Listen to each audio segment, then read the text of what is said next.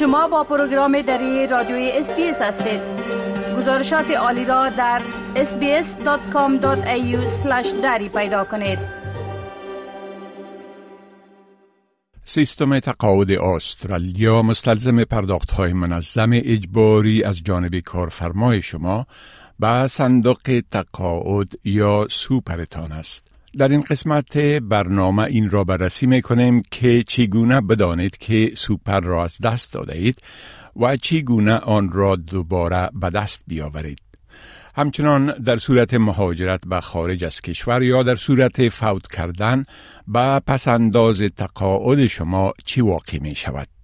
پسنداز تقاعد معروف به superannuation یا سوپر پول است که کارفرمای شما در طول زندگی کاریتان به خاطر زندگی کردن با آن در زمان تقاعد از کار کنار گذاشته می شود. برای کارفرمای شما این اجباری است که یک فیصدی از درآمد شما را به حساب سوپرتان بپردازد و اداره صندوق سوپر شما این پول را تا زمان تقاعدتان سرمایه گذاری می کند.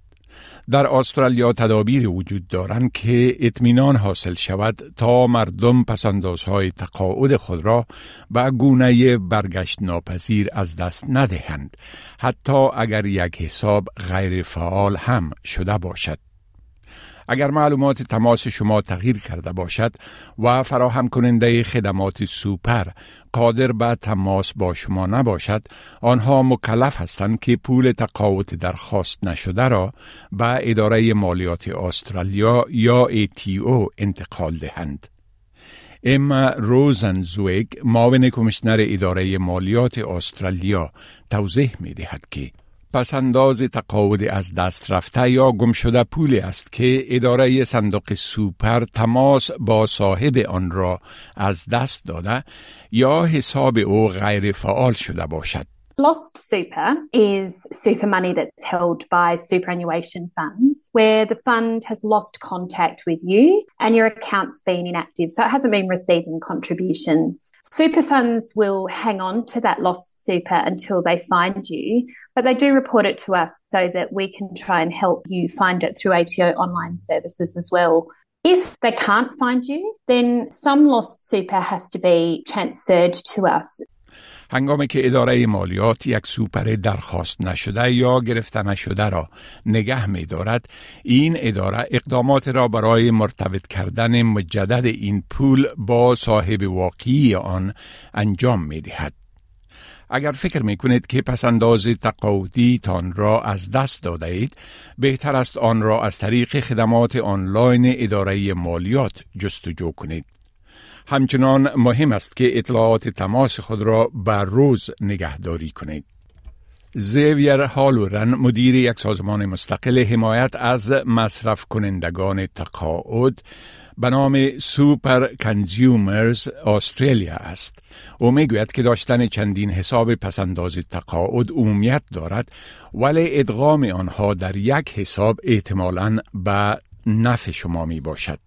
The estimates are that it'll reduce your retirement savings by about $50,000 if you have multiple accounts. So it really does pay to keep on top of where your super is and consolidate where it's appropriate. The reason why this $50,000 reduction in retirement savings occurs for having multiple accounts is largely down to insurance. You end up having default insurance cover in more than one account. And there are also fixed fees uh, in these accounts, and uh, you basically again are paying double if you keep more than one account open.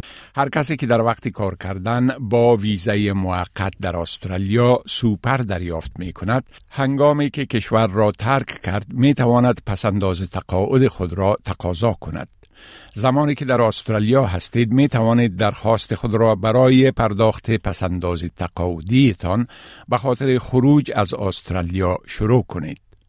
خانم روزنویگ توضیح می دهد که تا زمانی که ویزای شما منقضی یا لغو نشده است نمی توانید این درخواست را تکمیل کنید. That allows you to claim that superannuation back from the fund that holds it once you've left the country. If you don't do that within six months of either leaving Australia or your visa expiring, then the ATO lets your fund know and that money transfers to the ATO as unclaimed super. So it's still owned by you, you still can claim it from us, but the ATO holds it rather than your fund.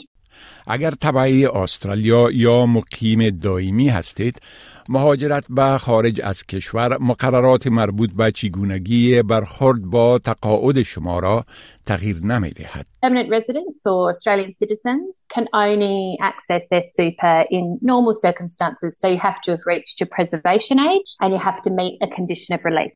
that applies even if you've left Australia. So you can't access your super early except in really limited circumstances like severe financial hardship or you know, needing to access your funds for critical medical treatment that's not covered by Medicare, those sorts of things. آقای اوهالرن میگوید چیزهای ساده وجود دارند که می توان آنها را در خارج از کشور برای مدیریت پسنداز تقاعدتان به بهترین وجه انجام داد. مانند تازه نگه داشتن معلومات تماستان. او همچنان پیشنهاد می کند که مردم از اجراعات و مشخصات صندوق خود مطلع باشند.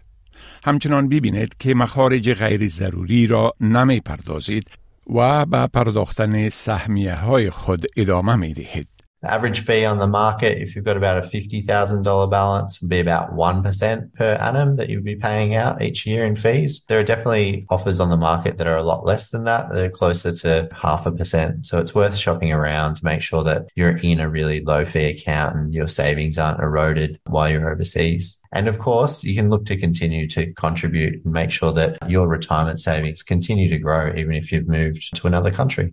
همچنان بهترین روش این است که مردم بهرهگیرنده از پسنداز تقاعدتان را در صورت مرگ معرفی کنید. اگر شرایط خانوادگیتان تغییر می کند، همچنان می توانید فهرست بهرهگیرندگان خود و این را که چند فیصد را به چی کسی می گذارید تعدیل کنید.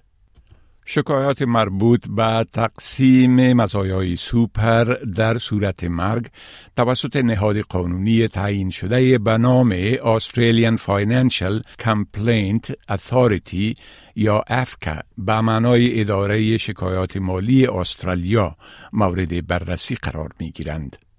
هیدر گری نماینده ارشد تقاعد در این نهاد است. او می‌گوید یک تصور غلط معمول این است که فکر کنید پس انداز تقاعد بخشی از دارایی پرداخته نشده شماست. People often don't realise that the superannuation money is not part of the estate. It's important for people to consider when they pass away who should receive their superannuation death benefit. because for a lot of people, it's their most significant asset, perhaps after the family home. And people might consider their estate more generally and maybe make a will, but they won't necessarily get advice and make arrangements for their superannuation. هنگامی که متولیان در این باره گفتگو می کنند که در مورد مفاد پسنداز تقاعد شخص متوفا چی چیزی را پیشنهاد نمایند آنها موظفند به جوانب مربوط اطلاع دهند که در صورت عدم عادلانه بودن تصمیم می توانند در ظرف 28 روز با نهاد افکا تماس بگیرند و درخواست تجدید نظر کنند. سپس تصمیم مورد ارزیابی قرار می گیرد و فیصله الزام آور در مورد شکایت صادر می شود. خانم گری می گوید که اکثر اوقات بر سر تصمیم یک متولی شکایت می شود. People who've got complex family situations. So perhaps they do have children from more than one relationship. Maybe they've got a legal spouse, but they're separated from that spouse and they've also now got a de facto spouse. Maybe they've got young children from that new relationship. If they're able to spend some time considering how their superannuation should be distributed and put that document in place with the fund, that can mean that a lot of arguments are resolved. این شامل تسلیم دادن یک فهرست نامزدی الزام آور بهرهگیرندگان است.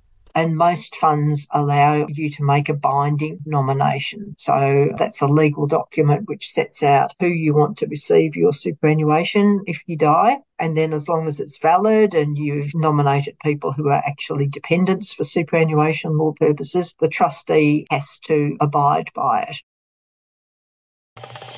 بپسندید شریک سازید و نظر دهید اسپیس دری را در فیسبوک تعقیب کنید.